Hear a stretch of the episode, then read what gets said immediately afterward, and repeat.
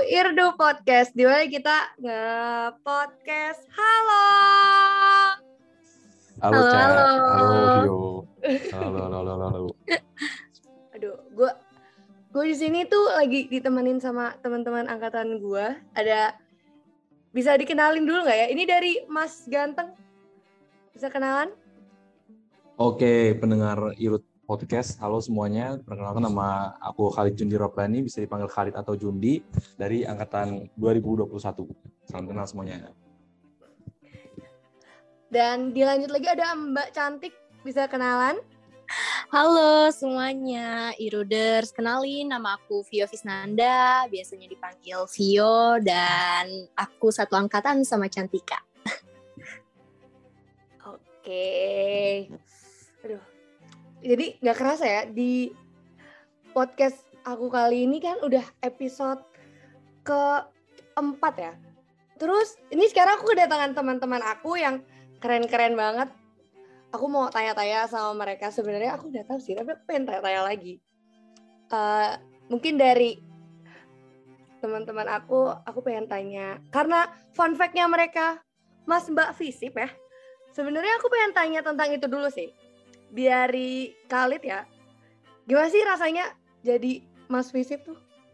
Sekarang? Oke, sebelumnya ini kayaknya perlu dikoreksi dulu kali ya. Aku bukan Mas Fisip, tapi Mas Persahabatan Fisip 2022. Oke, eh, itu kayak semacam eh, kategori yang didapetin karena aku masuk tiga besar pas kemarin Mas Mbak Visip dan ya alhamdulillahnya dapat Mas Persahabatan Visip 2022. Tadi pertanyaan apa? Rasanya, rasanya? jadi Mas Persahabatan. Sebenarnya dari awal tuh nggak expect lebih gitu untuk eh, mengincar apa eh, juara-juara di Mas Mbak Visip ini. Terus juga eh, awalnya kan aku ikut bukan berarti formalitas juga sih, tapi lebih ke ya udah berusaha untuk membawa HI untuk yang terbaik gitu kan. Dan tiba-tiba dapat gitu sebagai Mas Persahabatan ya sejauh ini sih mungkin belum ada yang lebih kali ya karena masih online juga ta- tapi udah mulai eh, dikasih catatan juga dari panitia-panitia dari Mas Mbak Visip yang lainnya dari yang eh, senior-senior. Kalau misalkan kita dengan punya nama sebagai punya gelar di Visip ya berarti bakal ada tugas-tugas yang harus kita emban gitu kan. Kalau misalkan dari rasanya sendiri ya aku alhamdulillah aja selama ini eh, apa setelah mengikuti proses, Mbak Visip kemarin akhirnya dapat sebagai Mas Persahabatan dan ya udah sekarang tuh lebih ke yang jalanin aja gitu loh Cak Tuh Hmm, gitu sih cak Menarik, menarik. Kalau dari Vio gimana? Kalau dari aku sendiri ya, eh, untuk menjadi Mbak Visip itu benar-benar Gimana? benar-benar sesuatu yang menyenangkan karena apa ya aku bisa merepresentasikan HI dan awalnya aku juga nggak nyangka sih bisa jadi Mbak Visip terus dan fun fact tentang Mbak Visip ini Mas dan Mbak Visip ini bahwa kita dari Departemen HI itu udah tiga kali berturut-turut termasuk aku menjabat antara jadi Masnya atau Mbaknya. Jadi kemarin pas tahu dua kali dua tahun berturut-turut menjabat itu aku ngerasain pressure-nya kayak aduh harus bisa nih harus bisa. Karena kalau enggak kan eh, ngerasa patah hati gitu aja ya kan. Kalau misalnya kita eh, nggak berhasil menang dan alhamdulillahnya berhasil menang. Jadi aku benar-benar proud of myself and proud of my department gitu ya. Udah bisa mengantarkan HI untuk memiliki nama lah namanya di eh, Visip itu. Begitu. Aku kemarin fun aku nonton sih. Terus kayak deg-degan banget ngeliatin Khalid dan Vio dan mungkin kalau teman-teman tahu eh, kita kan ngirim empat orang dan dan keren-keren semua sebenarnya. Terus gimana Lid? Kalau kamu gimana kalau menurut kamu? Iya Cak, mungkin aku nambahin kali ya Cak ya. Eh, karena tadi kata Caca bener bilang kita dari H itu ngirim ngirim empat orang, maksudnya yang berarti dua pasang. Ya, sebenarnya kalau dari aku sendiri tuh dengan dapat gelar sebagai Mas Persahabatan nggak ada yang sesuatu yang signifikan banget, cuman ya alhamdulillah tadi kayak Vio yang bilang kayak Vio bilang juga ini jadi suatu kebanggaan tersendiri bisa bawa HI yang eh, nama itu lebih dikenal lagi, maksudnya menjaga itu yang tadi eh, jaya-jayanya HI gitu loh gitu sih. Ih, Aku aku nervous banget pas kalian kayak jawab-jawab gitu. Eh sebenarnya aku penasaran serangkaian pemilihannya tuh gimana sih step by stepnya siapa tahu uh, ada maba-maba yang dengar gitu bisa kayak siapin diri gitu-gitu tuh gimana sih kalau dari Vio sama kalian persiapan persiapannya mungkin dari Vio dulu kali ya. Oke, okay, jadi uh, serangkaian acaranya itu kayak pageant-pageant biasa, ada perkenalan diri, ada presentasi ya tentang diri dan mungkin proker yang akan dibawakan, wawancara, penampilan bakat, dan pada akhirnya malam puncak. Untuk persiapan sendiri, aku lumayan banyak yang mempersiapkan di video profile. Karena apa? Masalahnya waktu itu videografer andalan aku itu udah mau kuliah juga. Dia kebetulan kuliahnya di Malang dan aku harus cepet-cepet. Dan itu tuh belum belum ada ketentuannya gitu loh. Videonya itu uh, ukurannya berapa, panjangnya berapa gitu. Jadi aku literally take video tanpa tahu uh, apa sih yang dibutuhkan, apa sih yang diinginkan oleh mereka. Jadi aku langsung take video dan akhirnya ada beberapa yang salah dan akhirnya aku take sendiri. Tapi untungnya sih ya masih bisa diterima lah videonya. Terus mungkin untuk persiapan pageant yang menurut aku paling penting itu adalah pengetahuan ya apalagi pengetahuan mengenai FISIP karena ya namanya juga titlenya Mas dan Mbak FISIP jadi kalau misalnya nggak tahu tentang FISIP kayak kemarin aku nggak tahu arti orange di FISIP itu apa itu tuh agak embarrassing ya agak memalukan tapi ya pengetahuan sih yang benar-benar harus diasah karena kan kita nggak tahu ya pas malam puncak itu yang bakalan ditanyain itu apa itu sih kalau dari aku oh ternyata ada suka duka di balik video video ya kalau kalau Khalid gimana? Kalau Khalid gimana? Kalau kalau kalau Khalid menurut Khalid gimana? Ya sebenarnya kalau misalnya ngomongin persiapan itu tadi Vio udah lengkap banget sih. Apalagi kan Vio kan juga dia gelarnya kan banyak banget nggak sih Vi? Vio tuh prestasi sebagai yang duta-duta gitu udah bukan suatu yang baru gitu. Udah udah bagus banget deh nama Vio deh. nah kalau misalnya dari aku mungkin tambahannya eh, sama persiapan kemarin ya catatan buat kita tuh gimana kita ngemas diri kita untuk bisa apa ya ngejual diri kita sebaik mungkin gitu loh.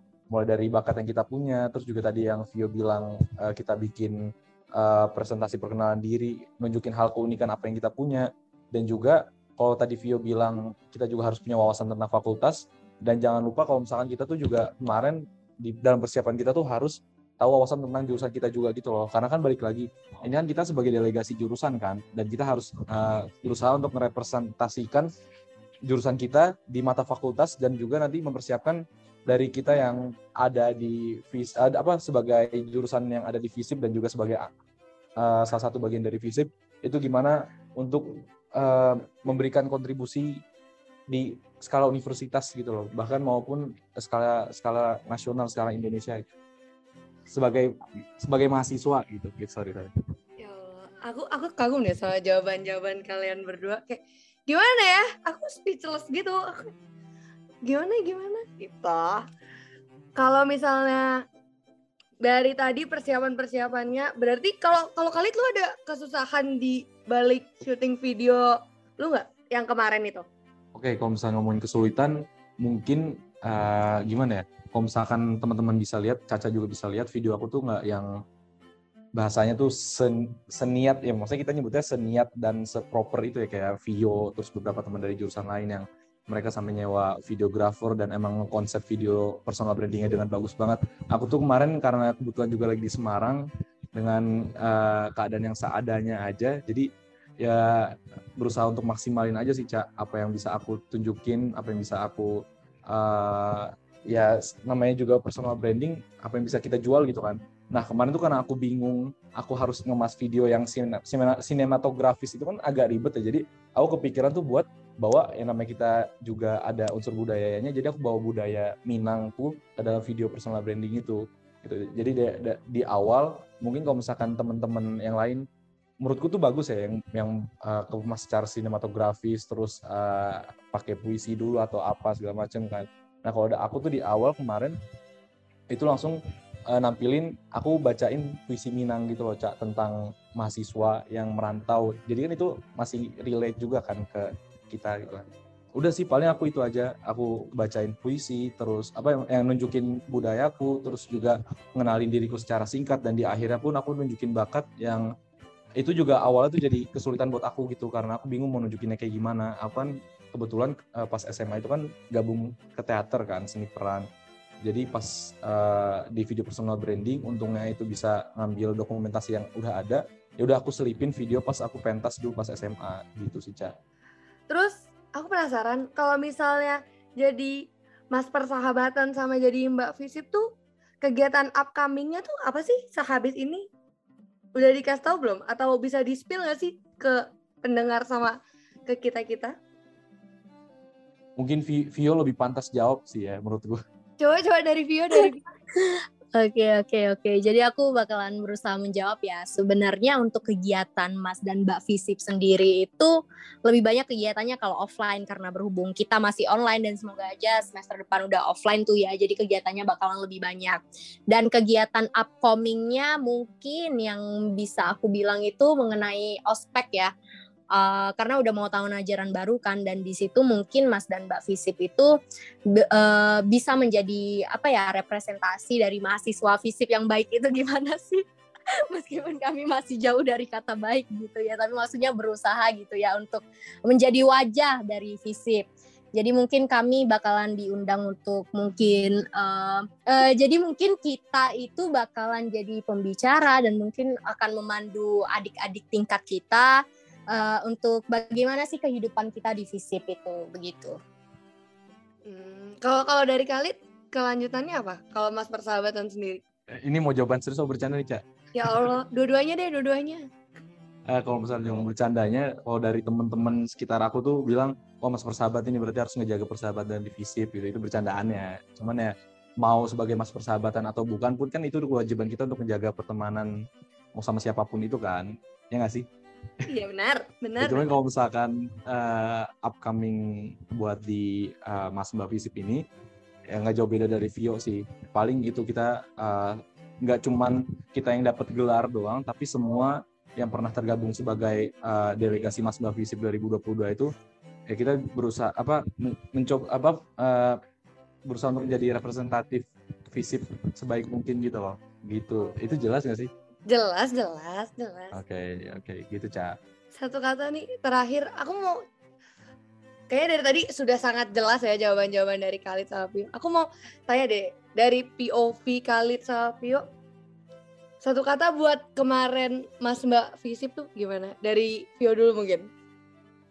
Mungkin satu katanya itu apa ya pressure full of pressure gitu itu tiga kata full of pressure tapi pressure full gitu ya aku karena ngerasanya memiliki kewajiban gitu ya untuk memenuhi ekspektasi ekspektasi orang terutama ekspektasi uh, dari pendahulu-pendahulu kita sendiri yang kebetulan mendapatkan jabatan Mas dan Mbak Visip jadi aku benar-benar berusaha gitu untuk memenangkan atau setidaknya melakukan yang terbaik gitu. Jadi aku benar-benar uh, mau give it my 100% gitu, mau memberikan 100% aku untuk mengkontribusikan apa yang aku punya, resource-resource yang aku punya untuk berusaha menjadi yang terbaik di ajang Mas dan Mbak Fisik kemarin. Dan untungnya ya alhamdulillahnya maksudnya berhadapan dengan representasi-representasi dan delegasi dari masing-masing jurusan itu kan mereka orang yang terbaik dari jurusan mereka artinya ya dan emang nggak mudah gitu dan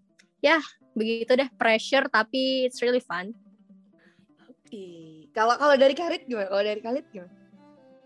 Sebelumnya boleh tepuk tangan dulu gak sih buat jawabannya Vio ini benar-benar gila banget. Insightful lah. Gimana? Banget, banget, banget. Nah kalau dari aku satu kata untuk uh, selama kemarin Mas Fisik 2022 yaitu gokil.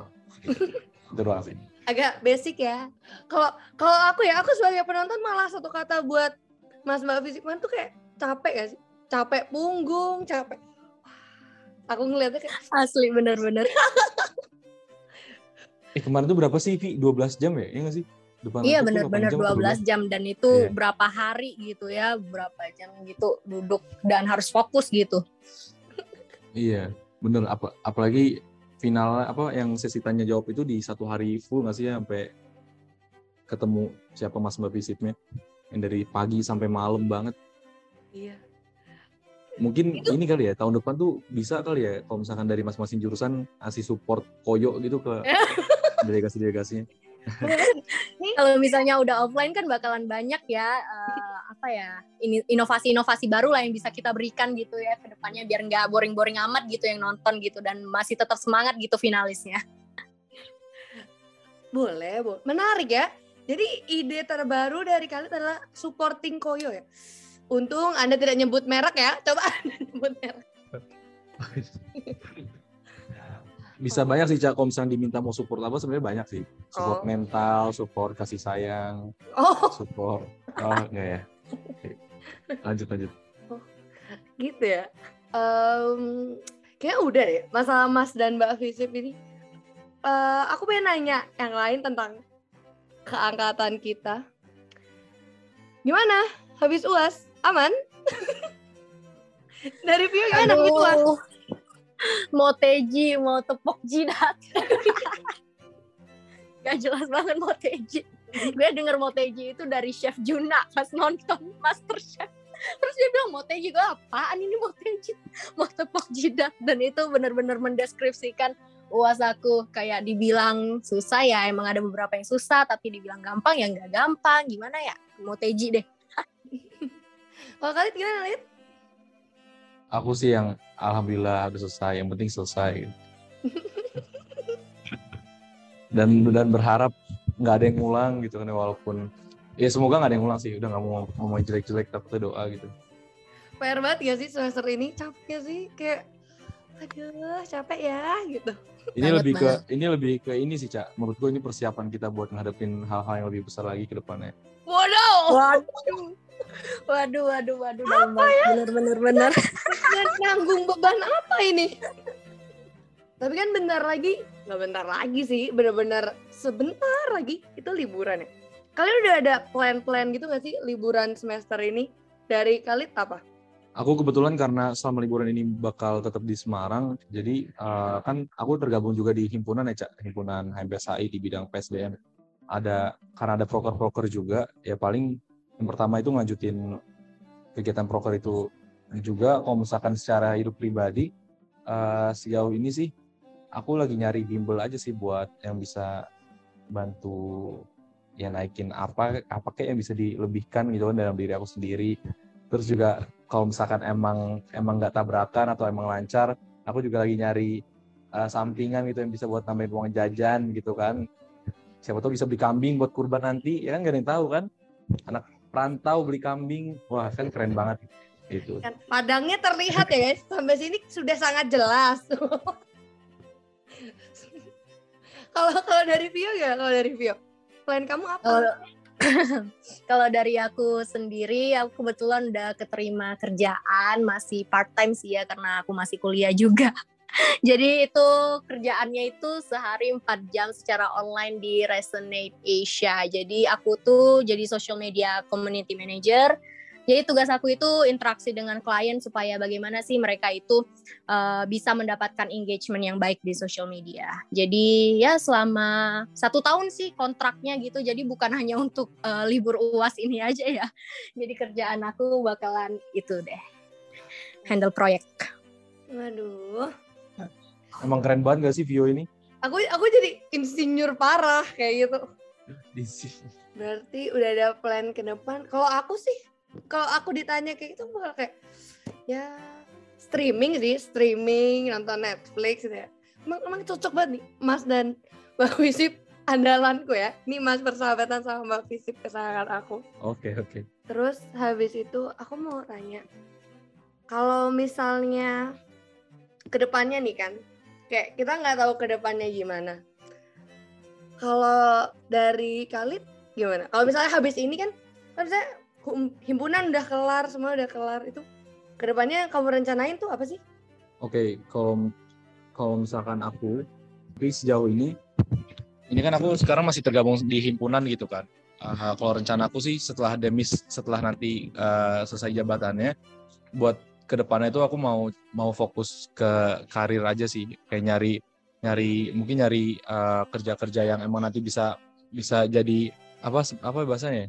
Yang bisa bantu ngembangin diri aku juga, yang nanti ngebudahin aku buat kerja nanti kayak gitu sih cak paling sejauh ini sama mungkin ini eh, nggak tahu ya ini ada perbedaan pendapat antara mahasiswa gitu ada yang ada yang beranggapan ini baik ada yang beranggapan ini buruk apalagi orang tua orang tua tapi aku kepikiran juga buat buka usaha selama selama aku berkuliah ini cak itu sih cak Hmm, menarik, menarik, menarik. Kalau Vio apa plan ke depannya? Sehabis misalnya, sehabis Mas Mbak Visip, sehabis kontrak setahun itu, apa ke depannya? Mungkin aku juga hampir sama sih kayak kalian. Aku pengen fokusin ke karir karena aku ngerasanya persaingan kita ini apalagi di dunia kerja itu semakin lama itu semakin sulit gitu ya. Terus apabila meskipun aku meskipun kita masih muda nih ya masih 19 tahun, masih 18 tahun, tapi aku ngerasa kalau kita nggak mulai dari sekarang itu untuk ke depannya gitu agak sulit ya untuk dapat head start. Jadi mulai dari sekarang aku pengen uh, tergabung sih ke dalam beberapa kerjaan yang benar-benar kerja karena selama ini kan aku fokusnya itu di organisasi gitu ya. Oke, organisasi itu juga memang kerja, tapi uh, dan setelah apa ya, setelah menimbang-nimbang, setelah melakukan percakapan dengan berbagai orang gitu ya yang lebih insightful di bidangnya, mereka itu pada bilang kalau misalnya di organisasi itu termasuk voluntary work gitu ya, kita nggak dapat ya kasarnya gitu uang gitu ya nggak dapat duit nggak dapat apa gitu kadang bahkan mengeluarkan uang gitu. Dan aku pikir-pikir juga selama ini aku voluntary work dan aku ngeluarin resource ya aku dapat manfaat tapi apakah itu seimbang? Not really gitu ya ada yang seimbang ada yang enggak jadi oleh sebab itu mereka banyak yang rekomendasiin aku untuk kerja yang benar-benar kerja karena uh, reputasi aku dan mungkin relasi itu bisa membawa aku ke offer yang lebih menarik gitu dibandingkan yang voluntary work. Jadi aku pengen nyari-nyari kesempatan lagi di mana aku bisa mendapatkan kerjaan impian aku dan juga uh, membangun reputasi dan membangun CV aku lebih baik lagi. Itu sih rencana ke depannya. Menarik, menarik. Insightful banget ya. Aku merasa langsung terinspirasi nah, gitu deh. Kayak apakah aku juga apa? Iya, kalau Caca apa? Kalau aku, kalau aku ke depannya, depannya kayak aku mau fokus kuliah ya. Aku mau cepat-cepat lulus. Saya saya nggak mau saya mau fokus. Aku tuh anaknya agak fokus gitu ke satu bidang jadi nggak bisa multitasking jadi fokus saya kuliah gitu. Nggak. Kalau nggak salah Caca mau nikah muda juga nggak sih? Kamu jangan bongkar kartu gitu tiba-tiba ngomongin itu ya? Jangan gitu dong. Ih konten ingat konten konten Gak apa, jadi ini sekalian nanya-nanya Caca aja kan. Biasanya Caca yang nanya-nanya mulu, ini kita gantian juga ya sih. Gak bisa ini take over ya Anda ya. Kita ini kan udah semester 2 ya guys. Kayak kalian ada gak sih momen-momen yang tak terlupakan dari awal semester 1 sampai semester 2 sejauh ini? Dari kalian dulu mungkin. Aduh. ini kayak agak mau buat jawabnya deh, Cak. Kenapa? Kenapa gitu? Uh, kan kita kan selama ini kan kuliah online ya. Mungkin kalau misalkan nanya yang kesan yang tak terlupakan, ya kalau misalkan buat pembelajarannya ya agak kurang kalau buat aku pribadi. Cuman yang lebih berkesan aku selama hampir selesai dua semester ini, ya pertemanannya sih yang yang ben, apa yang beda gitu dari SMA gitu kan apalagi juga ketemu teman-temannya dari luar daerah yang dari luar Pulau Jawa bahkan yang banyak ketemu hal-hal baru dan juga kayak bentuk pertemanan yang baru juga nggak kayak temen pas masih sekolah dan juga itu sih apa uh, kayak betapa banyaknya aku nemuin insight-insight juga dari pemikiran orang-orang apalagi kayak orang apa kayak kayak Vio kayak Cantika yang masing-masing punya pikiran sendiri yang akhirnya itu jadi hal yang bisa bikin aku mikir juga gitu lebih mempersiapkan diriku buat ke depannya itu sih. Hmm, menarik, menarik, menarik. Kalau dari Vio apa kalau dari Vio? Kalau dari aku sendiri karena aku ya masih online gitu ya, tapi aku udah pernah ke Semarang cuman satu bulan, satu bulan lebih gitu ya kalau nggak salah belum pernah ketemu Caca, belum pernah ketemu Khalid gitu. Tapi ada beberapa teman yang udah aku temuin dan ya hampir sama kayak Khalid gitu, itu benar-benar ngebuka pikiran aku juga berbagai macam orang ini kan karakternya berbeda-beda gitu ya. Kita bisa mendapatkan hal yang berbeda-beda juga dari mereka gitu. Tapi overall semuanya seru, menyenangkan, baik, supportive sejauh ini ya, sejauh ini semoga aja tetap seperti itu. Dan ya seru-seru banget sih semuanya dan nggak sabar deh nanti kalau offline ya bisa ketemu semuanya bareng-bareng. dan semoga aja bisa mendapatkan kesan yang lebih apa ya mendapatkan kenangan yang lebih tak terlupakan lagi lah daripada ini. Karena sejauh ini belum ada yang benar-benar tek gitu ya kan di hati. Hmm. gitu sih dari aku. Cak aku nambahin boleh gak sih Cak? Boleh boleh silakan. Ya kalau misalkan uh, Caca kan tadi nanya pengalaman yang tak terlupakan sama kuliah ini kan. Ini sebenarnya bukan tak terlupakan tapi ini menjadi hal yang baru buat aku karena uh, aku selama kuliah ini sempat gabung juga ke volunteering nama komunitas itu untuk saudara. Kalau misalkan Caca tahu atau Vio tahu, itu tuh uh, dipegang sama salah satu anak kakak tingkat kita HI19 Kak Khalilah Salwa atau dipanggil Kawawa dan dia tuh bergerak sebenarnya di berbagai macam bidang gitu. Tapi kebetulan kemarin aku sempat ikut program volunteer di bidang animality di bidang hewan-hewan gitu kan itu jadi suatu hal yang baru juga buat aku gimana kita nunjukin kepedulian kita tuh nggak cuma ke hewan eh sorry nggak cuma ke manusia atau lingkungan selama ini gitu kan karena hewan-hewan juga ada di sekitar kita tapi kadang tuh suka terlupakan gitu kan. Dan juga uh, karena aku tergabung dengan untuk saudara itu pun akhirnya aku ketemu dari uh, anak-anak undip jurusan lain bahkan juga universitas, universitas lain. Dan akhirnya pun dengan aku gabung ke untuk saudara komunitas untuk saudara itu pun nggak yang cuman pas program volunteer kemarin doang gitu cak sempet juga pas kemarin bulan puasa kita ngelakuin charity ke yayasan yang yang kurang terjangkau sama orang-orang di, di sekitar Tembalang kayak gitu. Dan juga mungkin sauku tuh ke depannya itu juga pasti bak, bakal lebih banyak lagi ide-ide program yang yang lebih gila lagi dari untuk saudara. Jadi ini juga mungkin buat pendengar dari Irut Podcast siapa tahu ada yang tertarik atau ingin setidaknya memberikan empatinya untuk ke manusia, ke lingkungan atau ke hewan itu bisa banget nanti cari tahu tentang untuk saudara itu sih cak. Sorry ya, ini promosi nggak sih ke sana? Enggak ya? Oh, enggak ya? Menarik, menarik. Oh ya, aku tadi mau sempat bahas itu juga kayak kayak apa sih sebenarnya untuk saudara itu selain charity berarti apa yang yang dilakuin kayak gimana sih sebenarnya prosesnya gitu? Menurutku overall sih semuanya di bidang ya charity itu sih. Kita uh, mengusung sebagai ini nggak sih sebutannya filantropis gitu. Ya kita sebagai orang yang mungkin diberikan Tuhan itu kelebihan yang lebih cukup dibanding orang-orang lain atau dibanding apa atau kita diberikan orang-orang apa kita sebagai uh, manusia yang diberikan kelebihan untuk bisa berbuat lebih terhadap ciptaan-ciptaan Tuhan yang lainnya kayak gitu. Intinya sih itu sih sebenarnya Hmm. Cuma mungkin ya biar lebih jelas lagi bisa nanti langsung cari tahu sendiri tentang Oh, tetap. Gitu. Takut salah ngomong ini. menarik, menarik. Terharu deh aku kalau kalau dari Vio aku dengar-dengar kamu duta genre itu gimana Vio? Aku pengen denger dong ceritanya tentang duta genre Kepulauan Riau. Hmm, oke okay, oke. Okay. Jadi saat ini sendiri aku tuh menjabat jadi duta genre. Kalau kalian nggak tahu apa itu genre, genre itu generasi berencana. Itu tuh program dari BKKBN supaya kita sebagai generasi muda ini bisa mempersiapkan kehidupan hingga nanti gitu. Jadi fokus utamanya itu ada triad genre yaitu seks pranikah, uh, atau seks di luar nikah, terus habis itu ada pernikahan dini dan juga nafza, narkotika, psikotropika dan zat adiktif lainnya. Jadi itu tiga fokus utama kami dan aku di genre sendiri itu ya seperti uh, yang kalian tahu yang triad genre udah aku jelaskan tadi aku ngelakuin sosialisasi dan juga aku berusaha untuk menggapai mereka-mereka yang mungkin berada di luar jangkauan gitu ya apalagi di rural area yang nggak ngerti gitu pentingnya uh, kesehatan reproduksi dan lain sebagainya untuk diedukasi. Dan supaya masa depan generasi Indonesia ini menjadi generasi yang unggul karena seperti yang kita tahu bentar lagi itu uh, atau mungkin sudah terjadi ya yang namanya uh, apa namanya? Aku gue lupa ya.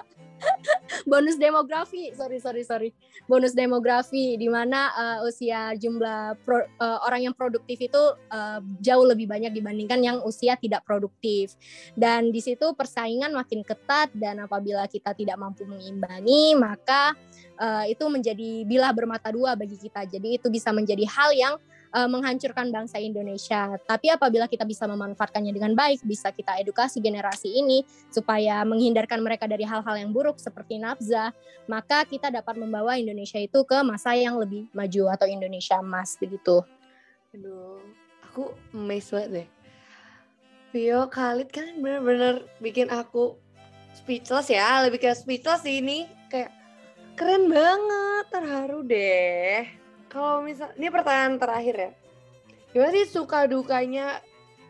Misalnya kalau jadi mas mbak visip apa jadi kan kalian juga sering volunteer yang suka dukanya tuh apa sih? Kalau dari Khalid apa? Kalau ngomongin suka dukanya, aku kayak lebih aku bukan tipe orang yang terlalu muluk-muluk soal duka dukanya gitu sih cak, karena aku uh, kayak nanam dalam diriku dalam di dalam diri aku sendiri apa yang aku alami selama hidupku tuh ya ya udah itu pasti ada ada ada suatu pesan tertentu gitu kan yang berusaha dikirimkan oleh Tuhan. Baik itu uh, apa suatu hal yang baik atau suatu hal yang buruk. Kalau misalkan sukanya pasti banyak. Yang tadi kayak aku udah, udah bilang kayak gimana aku dapat teman-teman baru insight baru dari pemikiran-pemikiran teman-teman yang juga itu secara nggak langsung bisa bantu ngembangin diri aku juga. Terus juga uh, apa pengalaman-pengalaman yang sebelumnya nggak bisa aku dapetin. Dan tentunya aku ngerasa tuh apa yang kita alamin buat semasa apa selama selama, di kuliah ini itu benar-benar berasa uh, jadi persiapan kita untuk menghadapi dunia nyata nantinya gitu loh. Dunia setelah kita kuliah entah kita mau kerja entah kita uh, mau langsung nikah misalkan buat yang nikah, mau nikah muda kayak Caca itu atau entah mau lanjut studinya kayak di di dunia perkuliahan itu benar-benar ditunjukin dan kita berusaha untuk di kayak dimunculin ke depan muka gitu loh ini loh realistis kehidupan tuh kayak gini gitu. kayak gitu sih Oh, eh, Lid, nanti jadi simpang siur kalau aku dikira pengen nikah muda beneran gimana ya Lid? Tolong ya, kamu tuh Ada duta genre nih anti nikah muda. gue harus pikirin Lid, bangun masjid dulu baru nikah. Gimana mas? oh iya. siapa tahu kan ada yang ada yang denger ini terus dia udah mapan udah siap gitu cak Berbahaya nih. Untung aja teman seangkatannya. Kalau kalau Vio gimana? Suka duka Vio gimana? Kalau aku lebih spesifik aja ya, sukanya itu mungkin karena ini adalah passion aku. Passion aku itu being the voice for the voiceless karena aku ngerasa aku memiliki privilege yang mungkin uh, sayangnya uh, orang lain itu tidak memilikinya gitu. Mungkin seperti satu hal yang paling sepele seperti sebuah suara gitu. Suara yang kita semua miliki tetapi tidak semua orang itu bisa menyampaikannya gitu. Jadi contohnya sendiri aku child rights activist gitu. Aku pengen menyuarakan uh, suara dari suara, seluruh anak di dunia ini yang mungkin tidak memiliki haknya atau haknya itu dieksploitasi. Itu aku berusaha untuk menyampaikan keluh kesah mereka kepada para stakeholder dan itu menjadi passion aku. Jadi aku rasa kita sebagai manusia itu memiliki kewajiban gitu ya apalagi yang memiliki uh, kapasitas yang lebih tinggi gitu, memiliki privilege-privilege yang mungkin orang lain tidak tidak miliki gitu, untuk uh, berusaha menjadi lebih baik lagi. Itu sih salah satu sukanya karena aku memang passionate di bidang voluntary uh, and humanitarian work gitu. Kalau untuk dukanya sih mungkin um, agak sulit ya ngomongin duka gitu ya karena rata-rata uh, pengalaman yang aku dapatin itu rata-rata menyenangkan semua. Tapi kalau untuk duka tentu ada gitu. Kadang di setiap kegiatan volunteer apalagi kegiatan yang mungkin aku rancang sendiri itu uh, untuk bekerja sama dengan para stakeholder itu sulit gitu. Kadang kita nggak dapat dukungan kadang kita bahkan di oppose atau di didebatkan gitu ya keberadaannya atau kadang diremehkan gitu ya. Apalagi uh, kalau misalnya kita masih di bawah umur gitu. Ya tidak bisa disalahkan juga sih tapi ya itu deh sulitnya itu untuk mendapatkan sebuah table gitu. Maksudnya mendapatkan sebuah kursi atau sebuah tempat di mana kita bisa menyampaikan hal yang kita inginkan gitu agak sulit uh, apalagi di Indonesia mungkin yang kurang terbuka pemikirannya terhadap anak yang di bawah umur yang mungkin ingin menyampaikan keluh kesahnya. Kadang itu mereka not really welcome. Jadi ya mungkin itu koreksi ya untuk kita yang akan menjadi leader di masa depan menjadi pemimpin masa depan ya kita kita yang mungkin di masa depan semoga akan menjadi pemimpin. Uh, kita harus memberikan ruang bagi semua orang untuk uh, menyuarakan pendapat mereka begitu. Aku bingung loh mau respon apa sampean kenapa ya? Nggak Vio nggak Khalid kok. Jawabannya bagus-bagus pantas nih kalian mewakili FISIP ya mewakili HI oh jadi speechless gitu gimana ya? Aku ngomongnya. Tapi emang aku akuin Vio keren banget sih jawabannya dari tadi cak. Insinyur ya? Tiba-tiba aku insinyur loh. Iya iya. Itu bikin aku mikir juga sebagai human activist gitu kan yang full yang mendedikasikan hidupnya ke orang lain oh, itu suatu hal yang wow berarti kita udah ngomongin masa depan ke depannya gimana ngomongin masa lalu suka duka kalian ada sesuatu yang mau disampaikan gitu gak sih buat pendengar buat jadi closing statement ini kayak udah banyak banget deh yang aku dapetin dari semua ini. Kalau misalnya kata seminar-seminar tuh kayak insightful banget gitu. Kalian ada closing statement gak sih buat pendengar kalau misalnya ke depannya gimana segala macam gitu? Mungkin dari Vio dulu gimana? Oke, boleh boleh. Jadi buat para pendengar, para e-readers, apa sih uh, panggilannya untuk para pendengar ini earpod, apa? Earpod. Oh, earpod, sorry, sorry, sorry, sorry. Oke, jadi untuk para earpod, karena kita masih muda, kita itu masih mahasiswa, kita masih memiliki banyak kesempatan. Jadi uh, kalau kita mau gagal, gagallah sekarang karena kalau di masa tua lagi, di masa tua nanti kita gagalnya itu bakalan sulit untuk majunya, bakalan sulit untuk bangkitnya kembali. Jadi selagi masih muda, aku saran aku itu untuk mengambil kesempatan sebanyak-banyaknya. Jadi apabila ada kesempatan yang datang ke kalian, entah itu offer pekerjaan, entah itu kesempatan masuk organisasi kayak apa, pokoknya ya ambil aja bakalan sukses atau enggaknya ya itu urusan nanti. Yang penting kita udah mencoba terlebih dahulu. Mungkin itu aja dari aku. Pokoknya ambil uh, kesempatan sebanyak-banyaknya gitu. Kalau dari Khalid apa kalau dari Khalid? Bingung banget, Cak, sumpah. nggak bisa kasih pesan gitu. Karena aku sendiri juga mungkin belum cocok jadi orang yang bisa buat kasih nasihat gitu. Kayak maksudnya bahasa kasar nasihat. Cuman ini deh apa ya?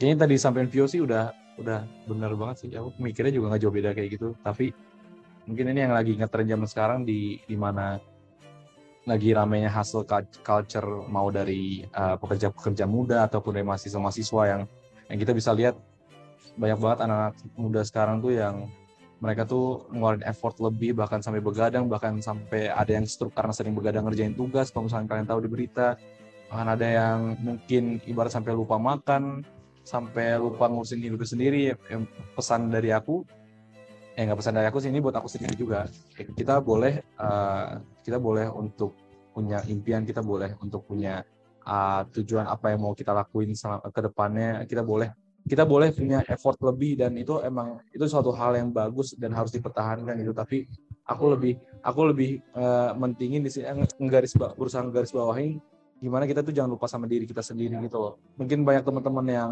yang uh, apa nilai sosialnya tuh tuh tinggi itu loyal royal teman-temannya. Tapi jangan lupa untuk tetap pikirin diri kamu sendiri diri kita sendiri. Itu sih biasa aja sih cak Kenapa sih? Keren banget loh. Apa sih? Orang dua-duanya sama-sama keren.